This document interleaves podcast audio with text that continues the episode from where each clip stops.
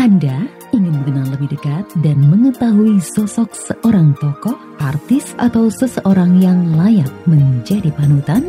Yes, ada satu jam bersama yang selalu hadir sewaktu-waktu di MBS Radio. Stay tune terus dan kepoin media digital streaming MBS. MBS Radio. Kali ini spesial, saya akan bawain satu jam bersama dari Obiven karena kita posisinya sekarang ada di luar. Uh, program yang biasanya digawangi oleh Sofia Rubianto satu jam bersama sore ini uh, spesial karena diadakan live ya. Dan Anda pun bisa berinteraksi uh, bersama bintang tamu saya, bisa tanya-tanya seputar perjalanan kehidupan pribadi atau karir bermusik dari bintang tamu yang sebentar lagi akan saya ajak ngobrol. Sekaligus kita bernostalgia mendengarkan lagu-lagunya nanti. Oke, kita flashback dulu aja ya dengan satu lagu yang dulu ini luar biasa ngehits. Oke, berikut ini saya punya Permataku dari Java Jive.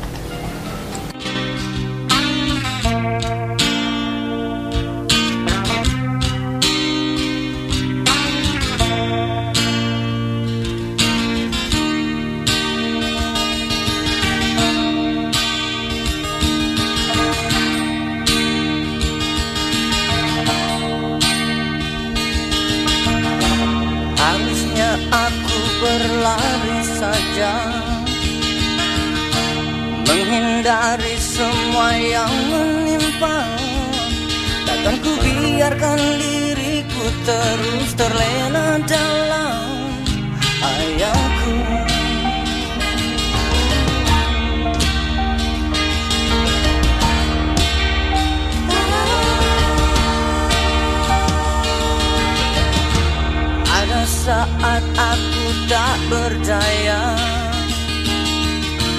Menghapuskan semua cerita.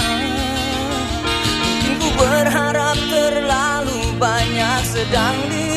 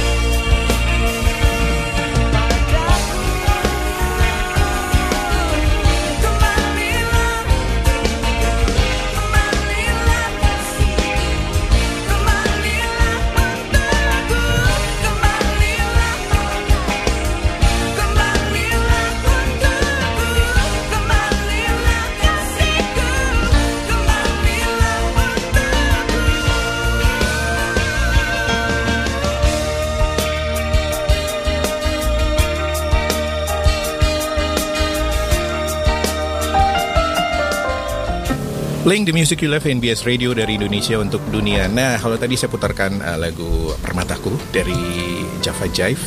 Siapa yang nyanyi ya tentunya ada ada ada Dani Jive dan ada juga Fatur. Nah saat ini saya sudah dengan Kang Dani dan nggak usah berlama-lama lagi saya, saya juga udah excited banget untuk ngobrol dengan Kang Dani yang saat ini sudah ada di samping saya langsung aja ini dia Kang Dani Gumilar Iya. alias Dani Java Jive Iya, Assalamualaikum alhamdulillah. Waalaikumsalam warahmatullah. Terima kasih Kang Chandra. Aduh. Ini saya teh dari tadi ya Kang Chandra masih amazed dengan teknologi radio sekarang. Betul sekali. Nah ini dia kan Iya. eh, NBS ini memanfaatkan dengan Hmm. maksimal apa yang eh, apa ya radio konvensional ya seperti ini teknologinya dan Hmm. eh, radio online seperti ini dan ya, kalau bersaing di, bers- dibilang bersaing ya bisa. Hmm, hmm. Jadi zaman sekarang tuh apa, apa yang nggak mungkin sih gitu kan? Nah itulah ini. iya betul betul. Yang penting kitanya kreatif gitu ya, mau mencari solusi-solusi baru gitu, ah Betul. tetap aja bisa. Dan one day mungkin akan siaran di sini. Ya, siapa tahu ya. Oke, kan Allah, Damang. ya. Damang. Alhamdulillah baik Kang Chandra. Alhamdulillah. Eh, ini bulan puasa gitu hari kedua. Alhamdulillah masih diberi kesehatan sampai setahun yang mencekam ini, terutama Kang Chandra. Alhamdulillah eh, mencekam dari segala sisi sih, Betul. dari kreativitas, dari ekonomi, dari kesehatan, dari apa pun mencekam gitu. Dan alhamdulillah kita saya Java Jai masih diberi kesehatan semuanya gitu. Oh ya, punten. Eh, saya juga ingin mengingatkan Anda, sobat NBS yang ingin bergabung, yang ingin nanya-nanya langsung ke Kang Dani. Ini kapan lagi? Karena jadwalnya padat, susah banget. nah sekarang nih baru kita ada kesempatan emas ya untuk Iya. ngobrol-ngobrol langsung live. Jadi Anda bisa langsung eh, WhatsApp bertanya ke 0811 2255 359. Kang, saya penasaran ya, eh, Iya. dengan kan mungkin sebelum bergabung dengan Java Jive, Iya. Akang Akang juga sudah merasa oh gue bisa nyanyi nih gitu. Ah. Nah itu Hmm. uh, Akang merasa punya bakat menyanyi itu sejak Hmm. kapan sehingga ini sebelum dengan Java Jive kan? Ya, sebelum sama Java Jam, saya memang eh, sebetulnya saya nggak bisa nyanyi, Kang. Oh ya? Tetapi ya dari kecil saya ini dikenal sebagai orang yang apa ya, Kang? Yang ekstrovert mungkin ya. Ah, oke, betul. Eh, mungkin sedikit bengal, tapi dalam dalam tanda kutip ya, Kang. Maksudnya masih dalam Masih koridor positif. keluarga ya, Oke. positif. Nah, sejak kecil, Kang, kecil saya di Cianjur SD. Oke. Seingat saya, saya itu selalu menjadi wakil kelas ataupun sekolah untuk perlombaan-perlombaan tampil, baik nyanyi, baik mojang jajaka, baik puisi atau apa gitu ya. Jadi intinya dunia panggung, bukan cuma nyanyi. Oke. Gitu. Nah, p- kalau nyanyi hubungannya mungkin saya berawal dari bisa membawakan pupuh, sinom, kinanti, Nah, gitu itu dia, kan Kang. Dari situ. dari ya. situ gitu mungkin ya jadi saya kok itunya masih dalam budaya seni Sunda Ya. gitu ya ya nggak saja saya Cianjuran karena itu terlalu skillful untuk Ya. saya gitu tapi kalau pupu sinom gitu kan masih dalam apa eh, ranah anak-anak Ya. gitu nah dari situ Kang eh, seingat saya saya ya seperti orang kebanyakan yang sukanya nyanyi-nyanyi di apa di kamar mandi Oh, iya, gitu ya Kang. Nah, terus bahkan setelah SMP saya sama sekali tidak ada kesenian tuh SMP itu. Wah, eh, masih banyak explore hal-hal baru. Pas waktu SMA, nah mulai lagi nyanyi yang tadinya awal-awal ditinggalkan itu kembali lagi ada vokal group kalau di SMA kan saya tergabung di vokal group kenapa pilih vokal group karena intinya saya itu pemalu Kang Oke. dulu waktu lom, ikut lomba-lomba gitu saya tuh mau karena tidak ada orang lain yang Melihat. bukan yang mau Oh yang mau. Iya, oke. ya terpaksa saya gitu. Jadi kalau masih ada orang lain yang mau melakukannya, biarin orang lain aja lah. Baru tahu saya kalau Kang Dani pemalu. Ya gitu Kang, bener, bener. Jadi eh, kalau misalnya, wah ini ada pupus sinom, jangan Dani lagi, jangan Dani lagi dong. Kau coba yang lain katanya gitu. Ya, tapi kan tetap waktu pada akhirnya gitu anak-anak itu ya pada nggak mau gitu. Ya akhirnya saya lagi saya lagi gitu. Nah begitu juga nyanyi waktu vokal grup itu. Kenapa saya pilih vokal grup? Karena ya bernyanyi kolektif ah tidak terlalu Iya. malu lah gitu ya di ininya. Ya tapi tetap aja waktu itu dapat pelatih yang bagus Kang. Kang Deden namanya ya. Dia itu bisa mendengar frekuensi suara masing-masing anak Wow. gitu ya. Oh. yang yang sehingga kalau dia ada yang salah teh Ketahuan. ya Dani gitu ini yang kurang tinggi. Kenapa dia bisa sampai tahu saya? Itu itu suara saya gitu ya dan dan itu tuh amazing banget. Alhamdulillah eh, mudah-mudahan Kang Deden dengerin nih. Dia tinggal di Surabaya sekarang. Dan Kang Deden itu memang pelatih semua orang. Penyanyi Bandung mah Insya Allah pernah di Kang Deden tangani. Ya, ya. almarhum Nita Tilana Arman Maulana gitu ya. Eh, siapalah Ari Widya. Oh, ya, pokoknya apalagi yang dari SMA 5 gitu. Itu pernah di nah berlanjut Kang terus sama almarhum Miko. Saya Oh, tuh iya, iya. udah bikin band yuk gitu. Band SMA 5 tetapi waktu itu juga saya mau karena masih ada penyanyi lain ada Chris namanya. Bawainnya juga lagu-lagu yang kayak eh, ya yang new wave new wave lah. Udah dari situ bahkan saya sempet manggung di Bumi Sangkuriang Kang Nah jadi apa tadi kita nyapa NBS-nya Kang? Sobat NBS. Sobat NBS Saya yang sempat manggung di Bumi Sangkuriang Karena saya pemalu Saya itu balik badan Kang. Jadi saya menghadap backdrop nyanyinya Oh, oh. Bukan menghadap ke penonton. Jadi menghadap backdrop Itu tuh ada satu lagu. Pas menginjak lagu kedua ada yang teriak dari bawah seprit seprit katanya gitu. Saya tuh dipanggil sama anak teman-teman SMP dan SMA itu seprit jadi saya tuh saat balik ke backdrop gitu ya seprit oh berarti ini mah ada teman saya karena manggilnya seprit bukan Dani gitu. baru saya ngebalik. Pas ngeliat oh iya ada teman saya. Nah Akhirnya. ya akhirnya dari situ Kang mulai tuh eh, oh gini di panggung tuh gitu. Sementara almarhum Kamiko itu yang dia cuek cuek cuek cuek. Sementara dianya juga Kang udah keringetan gitu dah ya maksudnya tuh demam panggung lah gitu Ya, jadi realnya tuh seperti itu Kang. Musisi pun ya. Iya, betul seperti itu Kang. Jadi malu. Bahkan sampai sekarang Kang, terutama event-event besar ya Kang, eh, di mungkin kalau di panggung lah 20 detik, 30 detik pertama itu wah Tetap ya. Iya, Demam, demam Iya, panggung. tet- tet- gitu-gitu. Tetapi kalau udah apalagi udah kalau lihat banyak oh, ininya gitu ya, apa penontonnya wah bener. Tapi setelah diucapkan nada pertama aja, ah gitu. Oke. Itu yang tadi demam yang tadi apa tuh hilang. Adrenalin langsung naik ya. Iya gitu. Tapi sebelumnya mah waduh gitu ya membuat inilah. Tapi ya dan bahkan sampai sekarang, Sampai sekarang. sampai sekarang gitu. Oke, Kang tadi menarik eh, Hmm. dan tidak saya tulis tadi di skripnya bahwa eh, dulu tuh Kang Dani dipanggil Dani Sprit dan Ya. barusan juga di mention kenapa Kang? Iya. Dari mana itu Sprit? Sprint itu Kang dari SMP.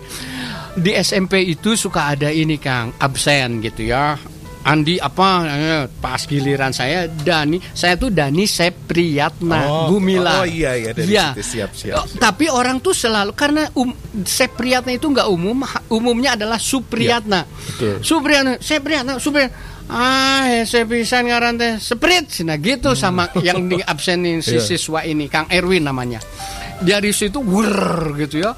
Udah keluar kelas hari itu jadi seprit seprit seprit seprit. Iya. Sem- Nah, saya tuh ku seprit udah udah seprit sampai SMA jadi seprit Kang. Gitu. kan tadi menyebut SMA 5. Ya. Tapi bukankah Java Jav itu SMA 2? Betul. Itu gimana? Eh dulu kan tadi vokal group itu Kang. Oh, oke. Vokal group ya zaman vokal group itu fes- festival. Jadi kita tuh sering dipertemukan saat eh apa saat festival. Jadi masing-masing oh dia anak SMA 2, dia anak Oh, SMA 5 gitu oke. kan. Ya, ya. Nah, Kang Miko ini dia itu seorang yang gaul banget Kang. Hmm, Jadi dia mah sama anak-anak SMA mana aja kenal. Nah, Kang Miko ini kenal sama Kang Nuy dan sebetulnya kebetulan satu SD sama Kang Edwin. Kang Edwin tuh SMA 2, Kang Nuy SMA 2, Kang Fatur SMA 2, Kang Tony eh, yang main keyboard SMA 9. Saya sama Kang Capung, Kang Miko SMA 5. Oh. Nah, waktu itu tuh Kang Miko tuh, Prit, ini kata ada band, eh barudak SMA 2 cari vokalis. Nah, percaya atau tidak juga Kang, pas saat saya diminta jadi vokalis itu, saya itu adalah penari Kang. Penari apaan Kang? Penari, Penari. dance, Oh, modern dance. dance. Oh, modern dance. Ya, modern Oh. dance. Waktu itu tuh. Jadi kalau sempat dengar ada wannabe ya di Bandung Iya, iya, iya. dulu. Sempet, Nah, saya tuh itu Bagiannya. Iya, nari waktu itu tuh. Nah, jadi Kang Miko itu nggak tahu kenapa juga ngajak saya gitu. Oh, oh oke. Karena intinya adalah yaitu kan saya dari kecil sudah dekat sama panggung gitu. Ya. Oke, udah audisi dulu katanya. Ya nggak apa-apa, aku bilang tuh ya udah oke.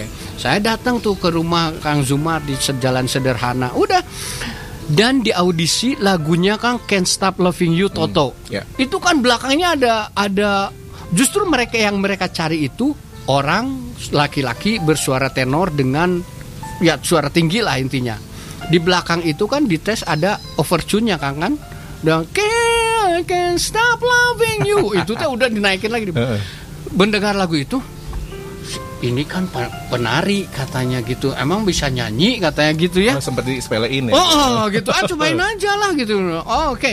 Nah, saya nyanyi juga agak agak melayang-melayang gitu ya karena memang saya ini otodidak. Udah pas itu ya mungkin karena nggak ada lagi eh, penyanyi lain yang apply gitu. Ya sudah, saya di sini diajak-ajak main, Kang. Hmm. Diajak main di mana, main di mana gitu. Sampai akhirnya itu tiga tahun di Bandung. Terus kita main di kafe-kafe ya di Lagapap di Bumi Sangkuriang di mana-mana di kampus-kampus gitu sampai akhirnya ah tiga tahun ini kita pengen rekaman nih udah ke Jakarta lah Jakarta di Jakarta itu yang mendapat kesempatan rekaman pertama adalah saya dengan gadis malam itu Oh, Kang iya, iya, iya. ya di Itu Indo- mah Kang Dani sendiri ya, Iya belum Java Jive ya? betul belum Java Jive. Siap. Tetapi Kang karena niat saya dulu ke Jakarta itu rekaman sama Java Jive. Jadi saya saat di, di, di apa ditawarin rekaman untuk album solo gitu penerus gadis malam itu saya nggak mau. Saya kecuali sama Java Jive aku Ya. bilang teh. Tetapi waktu itu pihak produsernya enggak pengen yang dicari adalah eh, solo artis gitu. Tapi saya nggak mau akhirnya mendingan prioritasin Java Jive. Dan alhamdulillah itu keputusan yang tepat, Kang. Dari situ nggak lama ya eh, Indo 8 itu Gadis Malam itu hanya dua lagu saya rekaman sama ada satu lagi judulnya Malam di Kotamu dua-duanya ciptaan almarhum Coki Batubara. Dari situ udah nggak lama Kang. Ya Pak mungkin di Jakarta perintisan setahun kita ditawarin rekaman sama Musika Studio dan kita masuk rekaman sama Java Jazz gitu Kang sebelum lupa ini saya Hmm. sempat riset dulu sedikit. Iya, iya. Dulu tuh apakah benar ada ada ada Teh Neta yang bergabung Ya, di Java Jive? Itu betul. Nah, masa-masa awal itu Kang, kan seperti Kang Miko ya, gitar dan vokal itu di Java Jive dulu. Kang Yuki pas band. Oh, oke. Itu sempet juga gitu. Kang Baron, Gigi, Oh. itu tuh sempet digitarin di Java Jive. Ada Doni Lesmana kalau di ininya, termasuk Teneta. Kenapa di Teneta itu dulu Kang? Nah, ini juga dulu waktu saya di Java Jive itu Kang dulu ada Kang Hari almarhum Hari Rusli, Hari Rusli. membuat ini Kang rock opera Ken Arok Ya. namanya. Dan saya menjadi Ken Aroknya. Nah di situlah pertemuan sama Teh Neta itu.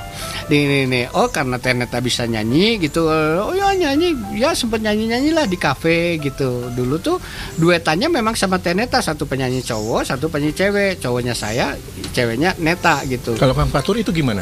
Kang Fatur itu dulu main main ini Kang main perkusi ya tetapi bentuknya Oh. SPD gitu. Oke. Bentuknya SPD tetapi pas Teneta nggak ada gitu karena main di kafe itu kan 10, 20 lagu, 15 lagu gitu perlu ada saya untuk jeda lah. Ya. Tur bisa nyanyi nggak? Coba aja, coba, Ya, coba. Ternyata oh untuk lagu-lagu tertentu dia bisa gitu. Dia maksudnya genre-nya beda sama Ya, saya lah. Tapi kalau saya mah kan cenderung apa aja gitu. Kalau Fatur agak-agak Dan jenis suara juga mungkin beda kan? beda betul. Jadi oh ya sudah nggak apa-apa. Jadi kayak lagu Toto mungkin bisa masuk dengan Lia gitu ya. Tapi kalau saya ya Can't Stop Loving You dan yang tinggi tingginya gitu. Dari situ udah selang-seling selang-seling selang-seling sampai akhirnya belajar keyboard dong. Kang Fatur belajar keyboard gini-gini. Sampai akhirnya pas masuk rekaman justru Kang Kang Fatur yang menjadi vokalis utama karena lebih cakep gitu. Tetep ya? Komersial itu. tetep Kang. Oh. tetep. Wah ini oh lebih menjual katanya apa wajahnya gitu. Jadi tetap di ini. Oke santai aja gitu ya. Makanya tapi itu buat saya nggak menjadi masalah karena yang membuat saya ini adalah saya harus nyanyiin lagu apa? Saya harus nyanyiin lagu yang saya suka. Kalau saya nggak suka lagunya, saya nggak mau nyanyiin, biarin fatur aja gitu. Termasuk kau yang terindah, Kang. Awalnya saya nggak mau nyanyiin karena partnya itu nggak ada part bagian saya yang nyanyi tuh. Walau ku pendam gejolak. Nah itu tuh tadinya nggak ada. Jadi hanya kau yang di sana setiap saat setiap waktu balik lagi kau yang di sana setiap saat cuma dua part itu. Nah pas dibilang bahwa itu bisa jadi lagu jagoan, saya pikir ini kok lagunya cuman gini banget ya gitu. Tambahin bagan ini, padahal saya nggak bisa musik nggak bisa apa Yeah. kang. Tapi itu benar-benar karunia Allah ya yang ditanamkan di hati kita gitu. Untuk ada sensitivitas sense of artnya itu ada gitu. Oh emang mau gimana nyanyinya? Coba putar lagi. Nah itu saya nyanyi aja kang. Gimana kalau gini? Nah, Walau kau pernah gejolak namun asmara tetap ada. Capung yang bingung. Ini.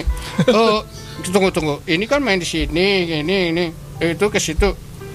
Iya sih bisa masuk sih nggak apa-apa ya.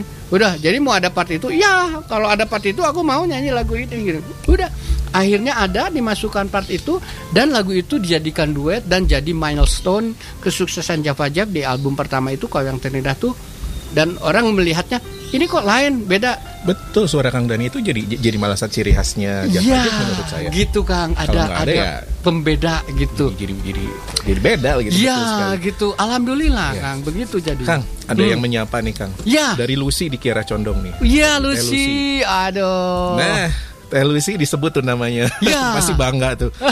nih, katanya gini. Huh. Aku mah pengen dengerin langsung suara Kang Dani. Hmm. Ayo dong nyanyi buat sobat NBS. Alah. Ya, lagi. Sadar biasa. Ya, nanti ya, Teh Lucy Tadi nanti udah. kita nyanyi. Ya. Lucy tadi udah No, dikit-dikit. ya. Mhm. Oke.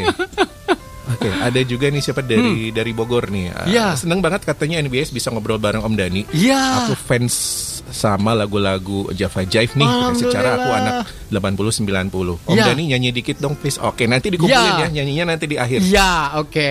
Dan dan mau nanya Kang ini Mhm. ah, t- ini Tria di Bogor. Ah, Ya. ngob- Ngobrol gabungannya akan ada nggak nanti ngarep? Eh, Ini maksudnya apa nih? Gabungan Java Jive gitu Oh, kali iya, Kang. itu ya. nanti harapan ke sana mah ada. Ya. Ya, tenang aja nanti kita arrange. Kang, Ya, Siap, siap. ya. Kalau sekarang sibuk ngapain katanya? Ya, eh, sekarang Kang saya eh, kalau Java Jive masih masih rekaman tapi eh, kemarin-kemarin memang lagi off lah karena pandemi ini. Kita setahun tuh nggak ada main. Tetapi kemarin-kemarin kita berusaha untuk mulai main lagi, kreatif lagi.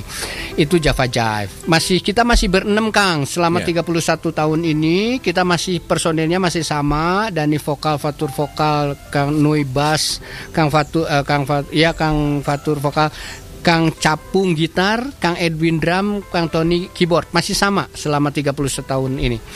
Nah, eh, kalau saya pribadi Kang dan kita juga punya usaha kolektif Kang. Ada namanya Kopi Ugo Igo. Kalau ke Bandung mampir silahkan ke Kopi Ugo Igo by Java Jive Di Terusan Cigadung nomor 17 ya.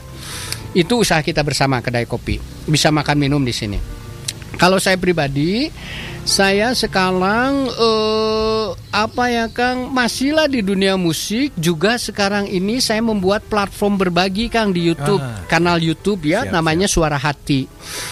Apa itu? Suara hati itu adalah kanal berbagi kehidupan eh, inspirasi kehidupan dan pengalaman hidup dari Dani Jive selama 30 tahun berkarir di dunia musik.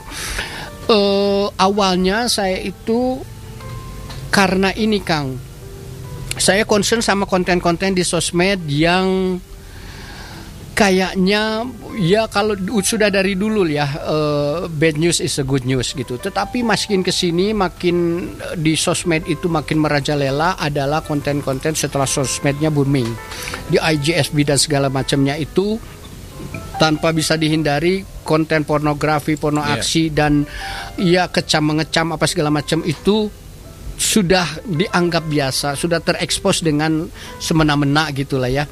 Saya tuh concern akan hal itu Kang. Aduh, kenapa ya orang-orang teh begini gitu. Saya teh pengen melakukan kontribusi atau melakukan counterpart atau melakukan apalah Kang ngasih pilihan lah Betul. gitu. Sok nih pilihan nih ada. Mungkin karena begitu karena memang konten yang baik-baik kurang gitu. Iya. Nah, saya itu bikin ketemu sama Kang Topi, Kang Raka, udah lama gitu dipertemukan sama mereka dan udah akhirnya jadi karena memang saya nggak ada belum ada budget apa segala macam hanya concern aja. Alhamdulillah Kang. Kalau si kita sudah niat karena Allah ingin berbuat baik gitu ya. Cara-caranya juga ada jalan. Allah yang memperbaiki yang mem- memudahkan jalannya Kang. Sampai akhirnya jadilah suara hati di eh, YouTube itu. Mangga silakan dilihat kontennya seperti apa. Itu insya Allah saya di situ sharing selain sharing kehidupan saya eh, selama 30 tahun bermusik bersabda romantika segala macamnya juga rencana ke depannya sih saya ingin meneruskan itu di syiar gitu Kang. Karena saya dikenal sebagai eh, pemusik penyanyi syiar saya juga lewat syair gitu. Insya Allah ke depannya saya akan terus di situ. Selama Kang Opik dan Kang Raka mendampingi ya dengan sukarela. Amin. Mantap. Oke Kang, Eh, ini nanti kita akan ngobrol lebih Ya. jauh lagi tentang eh, suara hati itu Ya, di, ya. di di bagian yang kedua ya. Sudah Mhm. saya bagi dua nih. ya oh gitu ya oke Dan ini masih ada yang masuk lagi Kang yang yang excited semuanya Iya, Kang. Kangen, Kang. alhamdulillah. Iya, alhamdulillah. ini Aku dari berikutnya ini dari Gustini di Bandung. Mhm. Kang Dani bikin eh, bikin single religi apakah Kang Ya. Dani bikin bikin eh, single religi mungkin koma ya. Mhm. Apakah Kang Dani hijrah Mhm. atau memang kebetulan saat Ramadan aja? Ya, Sama aku pengen nanya ini, Kang. Kan banyak yang bilang tuh para peneliti musik katanya lagu itu akan menemui puncak keuntungannya setelah 20 tahun dirilis. Mm-mm. Itu bener nggak sih buat Mm-mm. buat Kang Dani sendiri? Secara Mm-mm. kan uh, Kang da lagu-lagu Kang Dani ngehits di tahun 89. Mm-mm. Nah, itu Mm-mm. gimana, Kang? ya. Nah, justru itu kebalikannya. Royalti yang menjadi eh, lagu itu bermanfaat karena mempunyai royalti ya, Kang. Royalti itu biasanya saat di- diciptakannya lagu itu terus berdasarkan kesepakatan. Biasanya setelah misalnya 50.000 plus 1. 50.000 plus 1 itu artinya 50.000 kopi. Kalau dulu kalau masih ada penjualan fisik ya. Penjualan di atas 50.000 kita itu 50.000 satu dapat tuh berapa kesepakatannya? Dari album atau lagu yang bersangkutan itu kita misalnya misalnya dapat 1.500 per album gitu Kang dari penjualan itu. Nah itulah yang dimaksud dengan royalti. Misalnya lakunya satu juta kopi, satu juta keping, ya satu juta keping kali 1.500. Nah itulah bagian artisnya. Nah berlangsung berapa lama itu?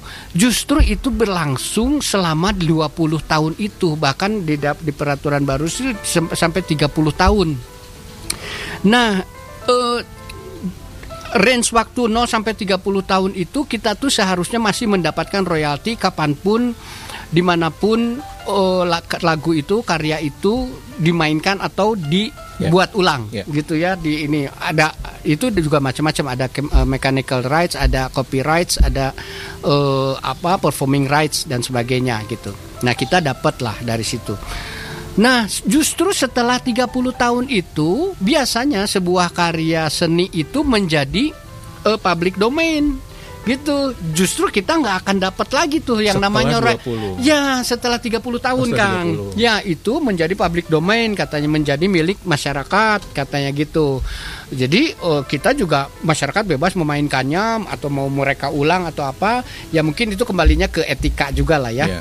di ininya. Nah, gitu justru teh siapa tadi? Teh Gustina kayak gitu justru puncak-puncaknya itu bukan di 20 tahun justru justru masa awal-awal saat di bawah 20 tahun kalau sudah 30 tahun ke atas gitu justru itu menjadi milik masyarakat karya seni itu Oke. gitu Ini informasi baru juga sobat Hmm. Terkait dengan royalti. ya Ya. Kang, ini sebelum kita break eh, pertanyaan berikutnya, seburuk apa sih realita eh, COVID sekarang terhadap Ya. para musisi secara global? Ah parah Kang, bukan cuma para musisi ya, terutama yang paling berasa ya memang eh, pariwisata. Karena pariwisata itu yang mendatangkan banyak orang berkerumun dalam satu tempat, which is itulah yang dihindari gitu ya Kang.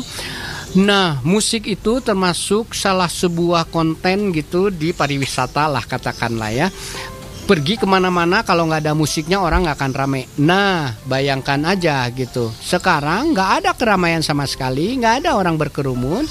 Jadi di mana ada musiknya gitu. Jadi Iya. nggak ada sama sekali. Kemarin sudah diusahakan untuk bikin platform baru gitu ya, Kang, masuk ke dunia digital gitu. Tetapi nature-nya memang memang musik itu harus dinikmati secara, secara live uh, Rame-rame Iya, gitu. dalam crowd gitu sehingga kita tuh bisa people hear what they see Iya. gitu ya di ininya. Itulah konsep-konsep eh, jadi orang dengar apa yang dilihat gitu sebetulnya. Itulah asiknya musik gitu. Nah, sekarang tuh sedang nggak ada. Jadi parah banget Kang untuk untuk musik eh, kita teman-teman bukan cuma ini banyak teman-teman musisi yang untuk bertahan hidup saja menjual gitar kesayangannya gitu Kang atau beralih profesi jadi dagang cireng, dagang cilok, dagang misro bahkan gitu ya. Dan itu ya ini lebih parah dari kejadian 98, Kang. 98 orang masih boleh berkumpul dan artis-artis bikin warung tenda Ya, Kang. ya. semuanya. Dan meskipun itu juga kembali seleksi alam. Oh, siapa yang ada yang berjualan sampai sekarang Kang dari warung tenda itu masih maju gitu ya bikin resto dan seterusnya. Eh, tapi ini sekarang ada pola komunikasi yang terstruktur melalui sosial media gitu Kang.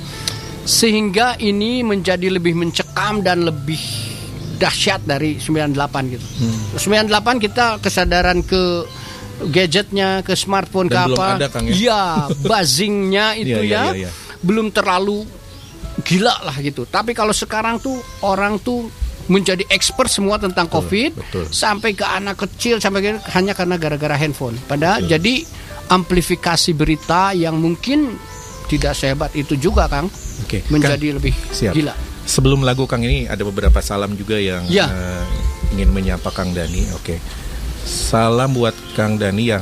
Eh, Ya. Kang Dani ya. katanya Waalaikumsalam. gitu. Sukses selalu katanya. Kang. Amin, amin. Selalu menanti karya-karyanya. Amin. Suaranya insya Allah. keren. Alhamdulillah. Dari Sulistiowati di Cimahi. Oh iya, deket dong sini. Oke, lalu ada juga dari Cikutra pendengar Ya. kita. Eh, deket tetangga ini mah Kang. Selamat selamat sore Mas Chandra Hmm. dan Kang Dani katanya. Ya. Kalau digambarkan dalam tiga kata, kata apa saja yang bisa mewakili untuk menggambarkan seorang Mas Dani Gumilar? Hmm, oh, tiga kata aja ya. Tiga kata itu eh hanya ingin kebaikan itu. Tiga Luar kata. biasa, keren, keren, keren. Ya. Dan satu lagi Kang, sebelum lagu nih, Hmm. eh, aku ingin disapa eh, sama Kang Dani katanya. Hmm. Tria di Bogor pengen disapa katanya. Tria, Kang Tria di Bogor, apa kabar? Oh, Teteh, Teh Tria, maaf, punten. Eh, ya, kita paling seru kalau kita main di Bogor ya. Kita beberapa kali main di Bogor dan Bogor ini masih jadi kota angkot enggak? Hai, Karena banyak banget.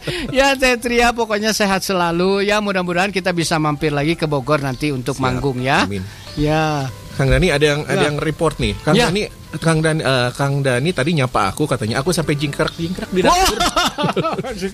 Kebahagiaan tuh ngomong-ngomong kebahagiaan yang Ya. seperti ini tuh juga Ya. kita kan nggak nyadar ya bahwa Betul, ini tuh betul, kita sudah Kang. men-share kebahagiaan kan. Betul, betul. Oke oke. Iya. Yang lain masih ditunggu sobat NBS. Anda Iya. eh, bisa kirim WhatsAppnya di 0811 2255 359 dan sekarang kita nostalgia lagi Iya. dengan lagu em, Java Jive masih dari Java Jive. Ini dia kau yang terindah dan kita akan lanjutkan nanti ngobrol-ngobrol dengan Kang Dani dengan topik yang lebih lebih dalam lagi terkait eh, perjalanan spiritual beliau. Oke, ini dia langsung kau yang terindah.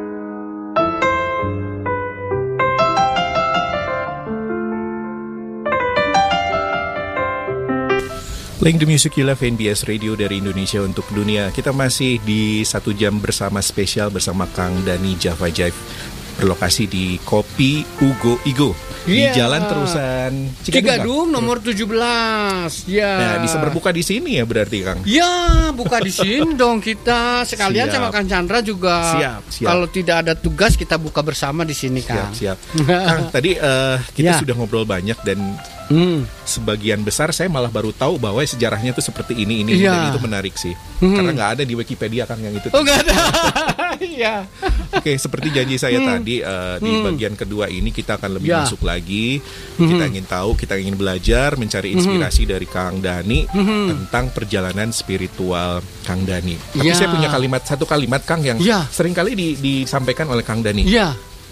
Begini nih. Seseorang tidak bisa memilih bagaimana awal kehidupannya, Mhm. tapi dia bisa memilih akhir kehidupan seperti apa yang dia inginkan. Nah, Mhm. Kang, ini kata-kata ini sangat powerful dan juga Ya. sangat syarat makna Ya. yang kerap sekali eh, disuarakan oleh Kang Dani. Betul. Ada alasannya kan?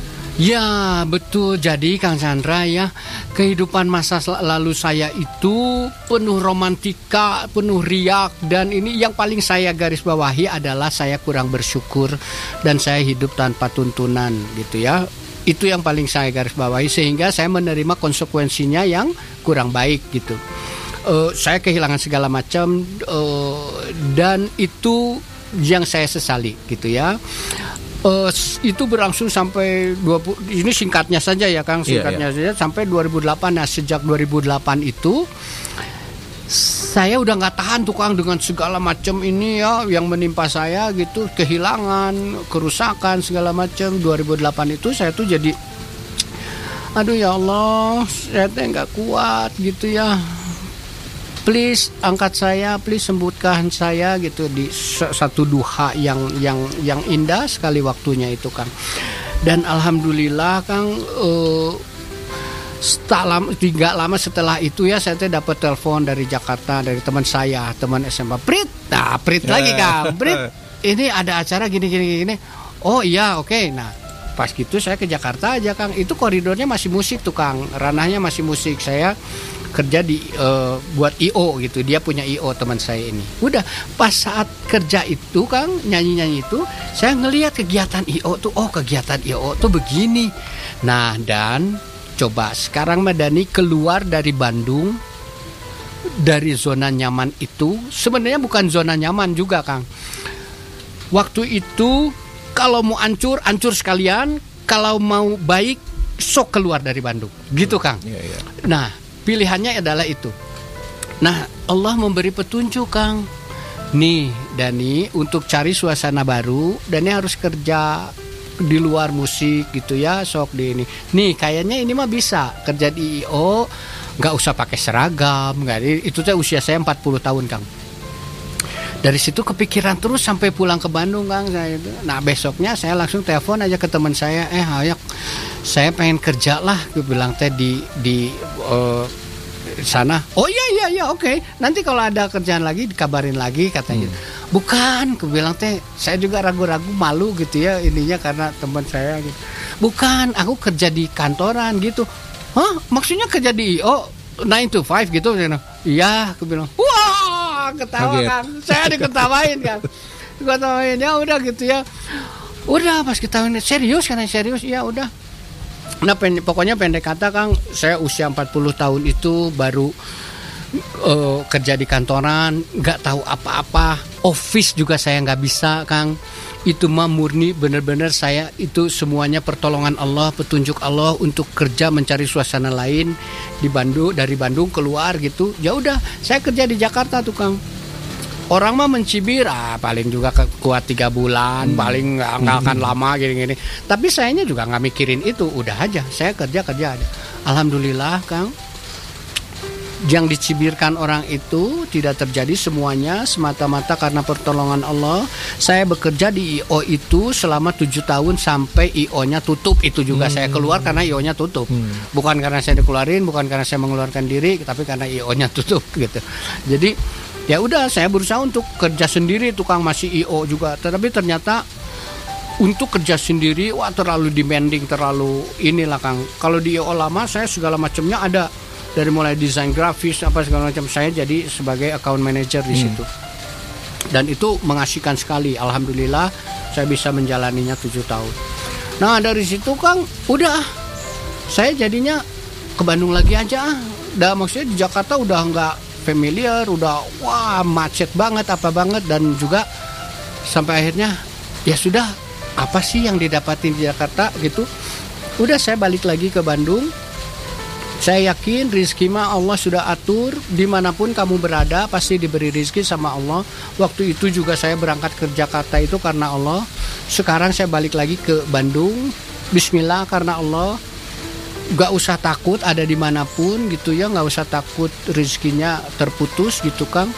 Karena ya yang memberikan rizki mah hanya Allah. Dari situ eh, 2007 2016 2017 itu kan sampai sekarang saya masih terus di Bandung dan alhamdulillah eh, masih sehat masih kreatif masih punya teman-teman yang soleh masih punya eh, kegiatan usaha alhamdulillah Dan eh, selalu ada jalan Kang. Selama kitanya eh, eh, optimis, yakin. Betul, Kang, betul. Selama, terutama Kang, selama hati kita terpaut sama Allah, Ya. insya Allah kita akan diberi petunjuk sama Allah, Kang. Kita ini nggak tahu apa-apa. Kita mah nggak tahu apa-apa. Kita mau mau apa sih kita ini? Betul. Jago apa? Saya dikenal penyanyi gitu.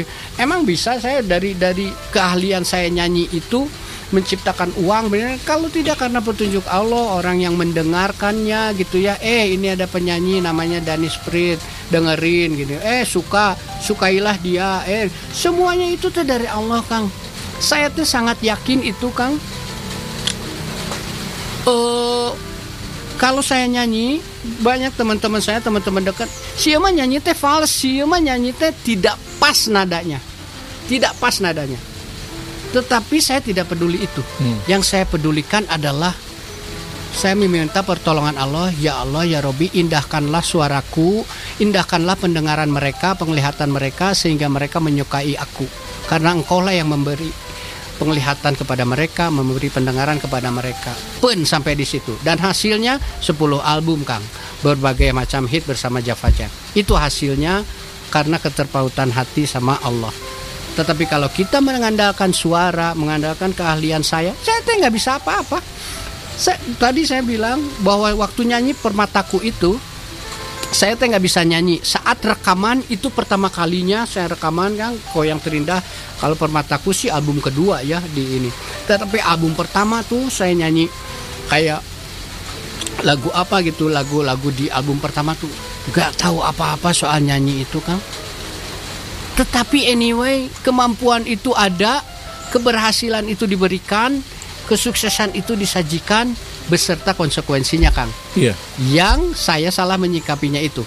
Sehingga saya kurang bersyukur, saya menganggap bahwa saya teh gini, Kang. Oh ya sudah, apa yang ada di sekeliling saya ini ya memang begitu aja. Terus saat itu diambil, saat itu hilang, saat itu lepas juga ya udah gitu aja. Jadi nggak ada bersyukurnya, nggak ada kehilangannya, gitu aja go with the flow aja gitu ya. Nah, tetapi ternyata Allah itu tidak suka hal seperti itu. Seharusnya seperti apa Kang? Eh, apa Kang menyikapi Ya, apa yang ada di hadapan kita? mencikapinya itu adalah bahwa hey, kamu ini makhluk. Makhluk itu pasti ada yang menciptakan. Siapa yang menciptakannya? Aku. Aku ini holik kata Allah. Jadi kalau kamu berlaku seperti itu seolah-olah semuanya itu ada ujuk-ujuk ada aja, hilang hilang aja ini tidak, semua itu karena aku, semua itu karena ada yang menciptakan, semua itu karena ada yang menimpakan, semua itu karena ada yang menitipkan gitu. Nah, untuk itu semua maka takutlah kepadaku. Bagaimana takutnya caranya ya Allah? Takutlah, jalankan perintahku dan jauhi laranganku. Itu. Sekarang kamu sudah belum begitu? Belum. Nah, ini konsekuensinya. Konsekuensi itulah yang saya terima, Kang. sehingga yang membuat saya teh depresi kang. 8 tahun lah. 8 tahun. tapi saya teh nggak sadar bahwa saya teh depresi bahwa saya saya teh kehilangan ya dengan akibat segala macam itu sebuah saya teh terbuai gitu. Ya itu yang tadi itu saat saya memutuskan ke Jakarta itu. Itulah akhir dari eh, Insya Allah ya Kang akhirnya keburukan segala macam karena saya nggak mau lagi lah. Ujungnya keburukan teh saya udah tahu Kang tetapi ujungnya kebaikan saya belum tahu di mana makanya tadi saya harus merangkai bagaimana dalam tiga kata Kang Dani Ya. saya hanya ingin eh, hanya ingin kebaikan itu aja karena itulah yang belum saya ketahui kebaikan ujungnya di mana saya belum tahu saya pengen itu Iya. gitu kan Yang penting sekarang prosesnya dulu, proses Iya. menjadi orang baik. Hasil di depan juga kan itu masih rahasia. rahasia Allah betul ya. betul sekali Kang Hmm. Oke, Kang, menarik sekali apa yang sudah dipaparkan tadi. Uh, Hmm. Nah, sekarang saya ingin tahu gitu, uh, perubahan apa yang Kang Dani rasakan setelah uh, kesadaran penuh terhadap Tuhan itu tadi. Hmm. Iya. Kang? Itu, itu Iya. apa yang mem- menjadi berubah antara sebelum dan ses- ses- sesudah sekarang ini gitu. Ya, ketenangan, Kang. Satu yang paling ke kentara adalah ketenangan. Karena itu mah janji Allah memang, Kang. Kita diingatkan untuk mendapatkan ketenangan, kenyamanan itu Kang lima kali sehari ya kalau umat Islam, Ya. kalau saya gitu ya. Haya ala sholah, haya alal falah. Falah itu adalah ketenangan, kenyamanan, keberhasilan, kesuksesan. Artinya falah itu. Dan Allah mengingatkan kita Kang lima kali sehari. Ayo mari sini tersambung. Sholah itu tersambung. Sini datang, sini datang. Kamu ingin nyaman, kamu ingin berhasil, kamu ingin tenang, sini datang, sini datang. Allah mengingatkan terus. Nah, itulah. Dan saya mulai Kang mempraktekkan itu apa pun yang saya tahu dari para ulama ya dari teman-teman yang baik dari sahabat dari mana pun selama itu bersumber pada Al-Qur'an dan Al-Hadis saya berusaha untuk mengamalkannya maka saya menemukan di sana Kang kenapa saya tadi yang paling saya garis bawahi adalah ketenangan karena itu mah janji Allah Kang Kul huwaladzi anzala sakinata fi qulubil mu'minina liyazdadu imana ma'a imanihim jadi Allah lah yang menurunkan ketenangan kepada hati orang-orang beriman untuk memperkuat keimanannya yang sudah ada di dalam hatinya. Keimanan teh semakin kuat, semakin tenang gitu. Jadi itulah kita merasa bahwa kita berada pada jalur yang tepat. Ya. Maka itulah yang terjadi kan sekarang. Ketenangan menjadi kebutuhan apalagi sekarang kan di dunia Hmm. Ya. yang udah kacau sih ya. Ini Ya. bisa dibilang kacau ya. Ketenangan itu kayaknya jadi kebutuhan Ya. kebutuhan mental nomor satu gitu. Alhamdulillah itu akan bisa sampai pada kesimpulan kacau itu ya. Berarti akan juga Memang merasakan terasa, ya. Kang. Memang terasa ya. Iya. Masya Allah Kang, ini ada sebuah tren Kang di Amerika. Sakit jiwa itu sekarang lagi tren di sana. Dan itu dianggap sesu- sesuatu yang biasa. Maksudnya tuh orang itu bukan hanya sakit cancer gitu ya, dia diabetes gitu naon segala macam. Bukan cuma itu, tetapi sekarang itu ada sakit jiwa dan sakit jiwa itu dianggap sebuah sakit yang ya sudah penyakit. Lu sakit jiwa. Padahal kan coba sekarang kita menyikapi sakit jiwa di sini itu masih belum ke sana Kang. Iya. Tetapi kalau di sana sudah dianggap lumrah sakit Iya. jiwa itu sudah sebagai sebagai penyakit ya wajar. Lu apa? Ya memang dia mah sakit jiwa gitu. Enak aja gitu ngininya. Ya memang sakit jiwanya kan bukan dicari kenapa sakit jiwa itu gitu. Ya maksudnya orang-orang barat mengandalkan pada logika gitu ya. Nauzubillahi min. Itu saya sudah di edge Kang. Hmm. Sakit jiwa itu sewaktu itu sudah on the edge gitu. Masya Allah, Alhamdulillah Allah masih memberi petunjuk gitu. Dan pertolongan itu memang ada di sana Kang. Orang-orang barat melihat itu ke timur jauh Ya. ke ya ke eh, apa semedi ya kan ke ini padahal sebetulnya pertolongannya adalah ada pada dinul Islam itu Oke. Ini sangat-sangat bermakna dan penuh penuh arti obrolan kita Kang. aduh punten ya Kang maksudnya itulah saya sekarang Kang Masya Allah eh, tanpa bermaksud menggurui atau apa, ini berkisah tentang diri saya sendiri. Semoga dengan saya berbagi seperti ini, Kang, Allah semakin menguatkan Iya, gitu betul. ya kondisi saya, kebaikan saya berada dalam istiqomah karena Allah. Eh, nggak punten sih kang maksudnya bukan punten juga tadi maksudnya tidak ada yang salah juga Hmm. Iya, sebetulnya. I- ini ada, ada sebagian apa ya, berbagi kita Iya. apa yang kita rasa itu baik Hmm. betul ya ya memang harus di share gitu, Ya, Kang, ya. ya, ya, gitu Kang. Oke Kang, betul. kita kembali ke Mhm. teman-teman yang ini excited banget Ah, masih ada Kang yang Oh, masih ngomong. banyak, Kang. Ada yang dari Jogja ini malah. Ya, sebentar kita Ya. sambung lagi tadi terakhir dari eh, Dewi tadi sudah Hmm. Lucy sudah eh, oke yang jingkrak-jingkrak sudah Hmm. tadi ya Selanjutnya dari Tik Tik di Grand Sharon, kompleks Ya. Grand Sharon. oh Eh, bebas ya. Ya, salam buat Mas Dani katanya. Ya. Maju terus ya. Begitu, Ya, Kang. amin, Do- amin. Doaku bersamanya, Kang. Tuh, doain Amin. Kang. Aduh, alhamdulillah. Titi hatur nuhun di Dan Geresaran ya. selanjutnya dari Yogyakarta ada Hmm. Baretno, Baretno Selasih Ya. namanya. Ya. Selamat sore Mas Chandra. Jadi keinget dulu nonton konser Java Jive katanya. Ya. Ketemu sama almarhum Bapak Guru ternyata juga nonton dan Mas Hah. Dani kapan perform di Jogja katanya? Iya di Jogja. Nah ini ya Jogja juga termasuk yang berkesan, kota yang berkesan itu tuh apalagi kalau sudah diajak ke angkringan, lesehan gitu ya, seru kalau main di Jogja. Eh ya mudah-mudahan kita bisa secepatnya ya bisa hadir di Jogja gitu, pengen lah kita dengan kondisi yang sudah berubah jauh lebih baik nanti Insya Allah. Baik, selanjutnya dari Trisco di Soreang. Ya. Di kantor katanya bareng anak-anak HRD Kang. Huh. Nih di kantor pada nyanyi semua Kang.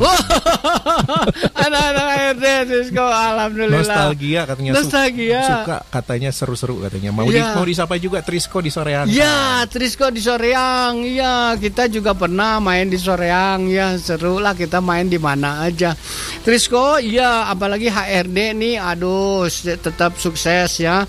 Tetap mudah-mudahan perusahaannya lancar dan bisa eh, terus kreatif, terus berkarya ya, Trisco. Iya. Kita nyebrang Kang ke Palu Ya. Bang. Dari Palu ada juga yang Oh, dengar nih. Palu, ya. Mau nanya ke Kang Dani kapan Hmm. rencana bikin album Java Jive lagi Kang? Ya, album Java Jive lagi. Eh, jadi untuk diketahui sekarang itu kita juga jualannya bingung mau ke mana, Kang. Ya, yang satu mungkin yang masih berbayar adalah eh, Ringback Tone atau eh, Apple Music gitu ya dengan iTunes itu ya. Yang lain-lainnya kita itu eh, untuk album itu perlu biaya produksi yang cukup lumayan karena kita tuh juga harus workshop dan ini. Nah, paling kalau kita belum kebayang untuk membuat album lagi, paling kita bikin single-single, Kang. Single. Singlenya udah ada Kang. Ya singlenya, single terakhir yang terbaru kemarin kita tahun 2016 itu eh 2019, 2019 maksudnya ada Benci dan Rindu. Eh itu lagu terbaru kita. Eh, kita bikin video klip. Kebetulan pas kita main di Hong Kong Kang sebelum itu jadi Iya. kita menyempatkan untuk bikin video klip. Nah, itu lagu terakhir kita single eh, tera- terbaru gitu ya dari Java Jive itu Benci dan Rindu. Kalau sudah nyimak ya coba seperti apa ya. Mudah-mudahan kita juga bisa bikin lagu lagi nanti. Insya Allah Siap, tapi siap. dalam single ya, bukan dalam album. Iya. Kang ada Sulistiowati Hmm. lagi ini Kang Dani keren banget perjalanan hidupnya, inspiratif. Waduh, alhamdulillah, iya itu yang diinginkan ya. Semoga eh, segala sesuatu keburukan itu tidak harus dialami sendiri ya. Cukup dari potret orang lain, cukup dari kisah-kisah orang lain, terus kitanya berusaha untuk mawas diri. Tetapi kebaikan itu harus dialami sendiri. Benar-benar harus dialami sendiri supaya kitanya bisa menjadi orang yang selamat dunia akhirat gitu ya. Amin. Baik Kang Dani, sebelum kita closing nggak kerasa Ya. sejamnya, Ya. berasa berapa menit ini Kang?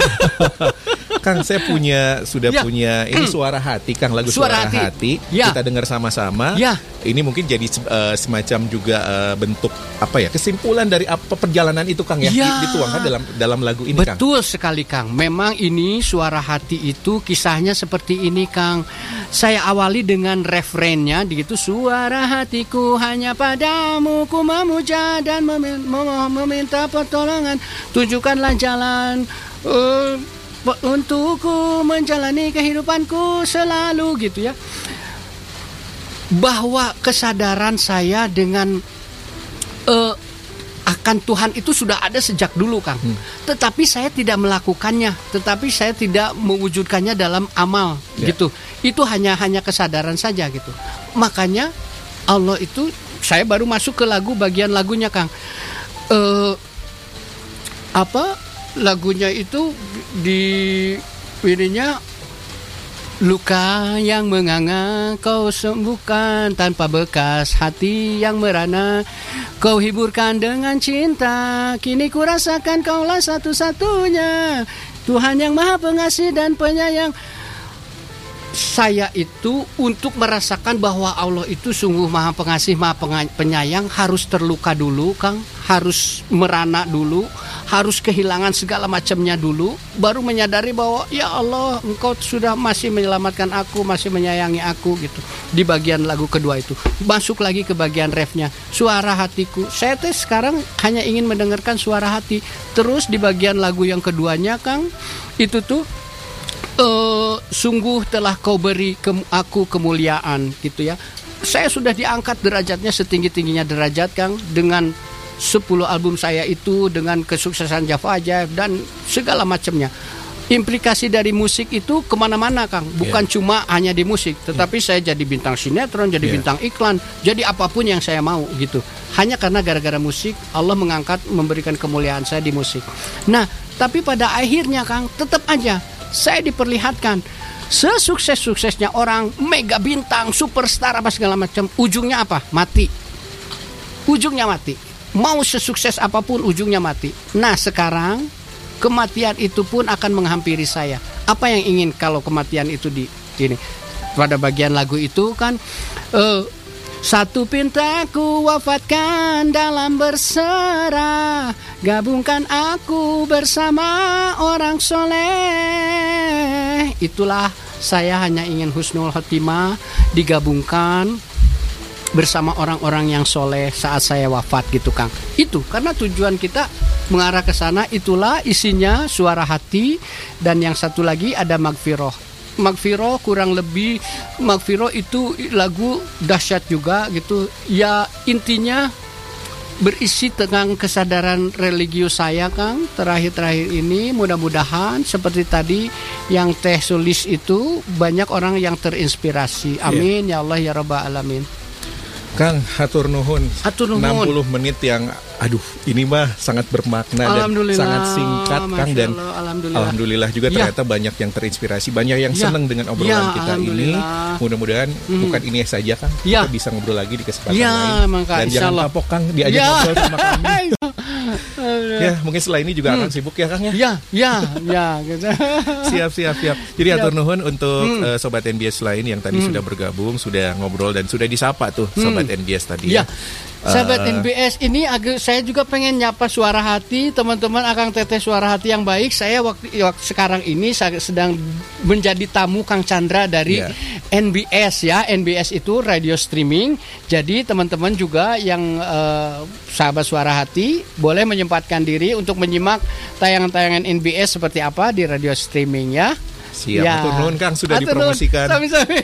Baik, sebagai penutup Ya. kita langsung dengarkan saja Ya. lagu Suara Hati dari Kang Dani Java Ya. Jive. Ini dia dan sampai ketemu lagi dan terima kasih Sobat NBS Anda sudah mendengarkan satu jam bersama spesial uh, Dani Java Jive sore ini. Kita bertemu lagi di kesempatan lain.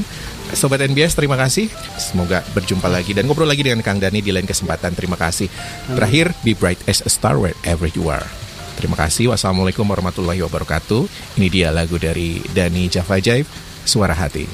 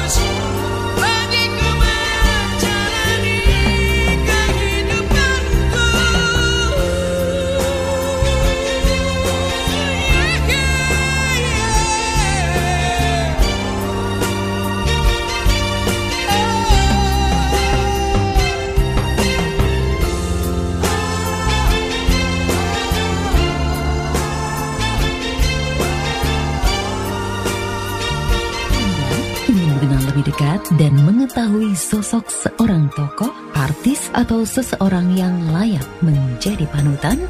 Yes, ada satu jam bersama yang selalu hadir sewaktu-waktu di NBS Radio. Stay tune terus dan kepoin media digital streaming NBS. NBS Radio.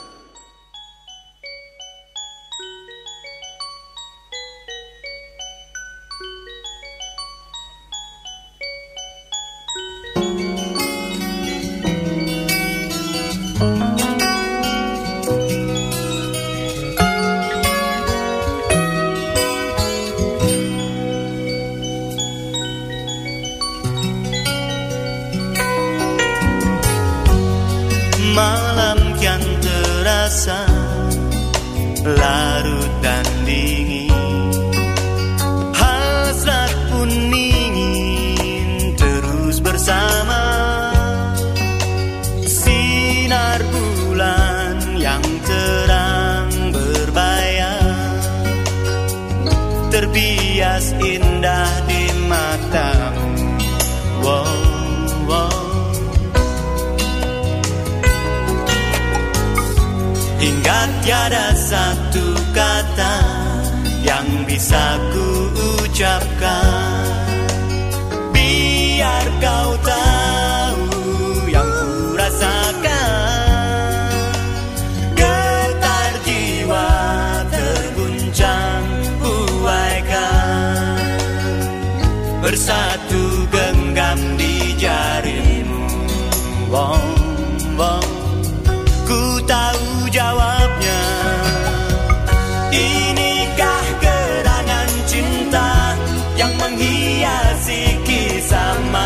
Yeah.